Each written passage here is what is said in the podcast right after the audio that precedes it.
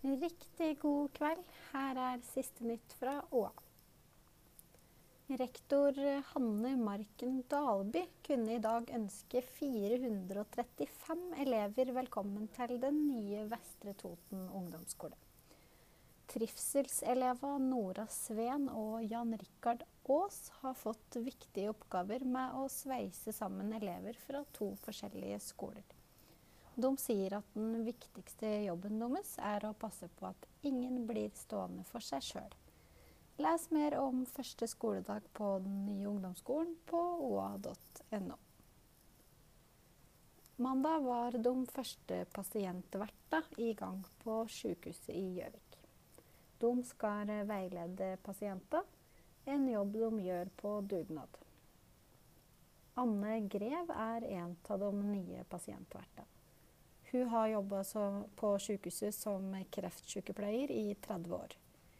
I løpet av disse åra har hun sett behovet for en pasientvert som kan ta hånd om og hjelpe pasienter og pårørende til rett avdeling, til toalettet eller med et glass drikke.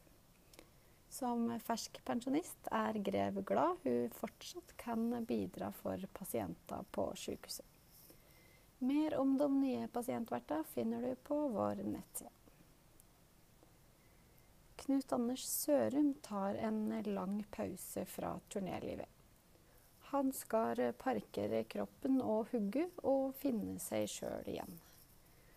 Sørum innvilger seg sjøl fri fra store sceneopptredener, fri fra bandet og fri fra å føle at han må si ja til alt. Siste spillejobb med bandet blir fredag på Kafka. Det blir kanskje den siste på flere år. Musikeren fra Øverskreien sier han har tenkt lenge på å ta et avbrekk, men at han har utsatt det flere ganger. Han er ikke utbrent eller fryktelig sliten, men vil unngå å bli det. Les hele saken på oa.no. Fortsatt god kveld.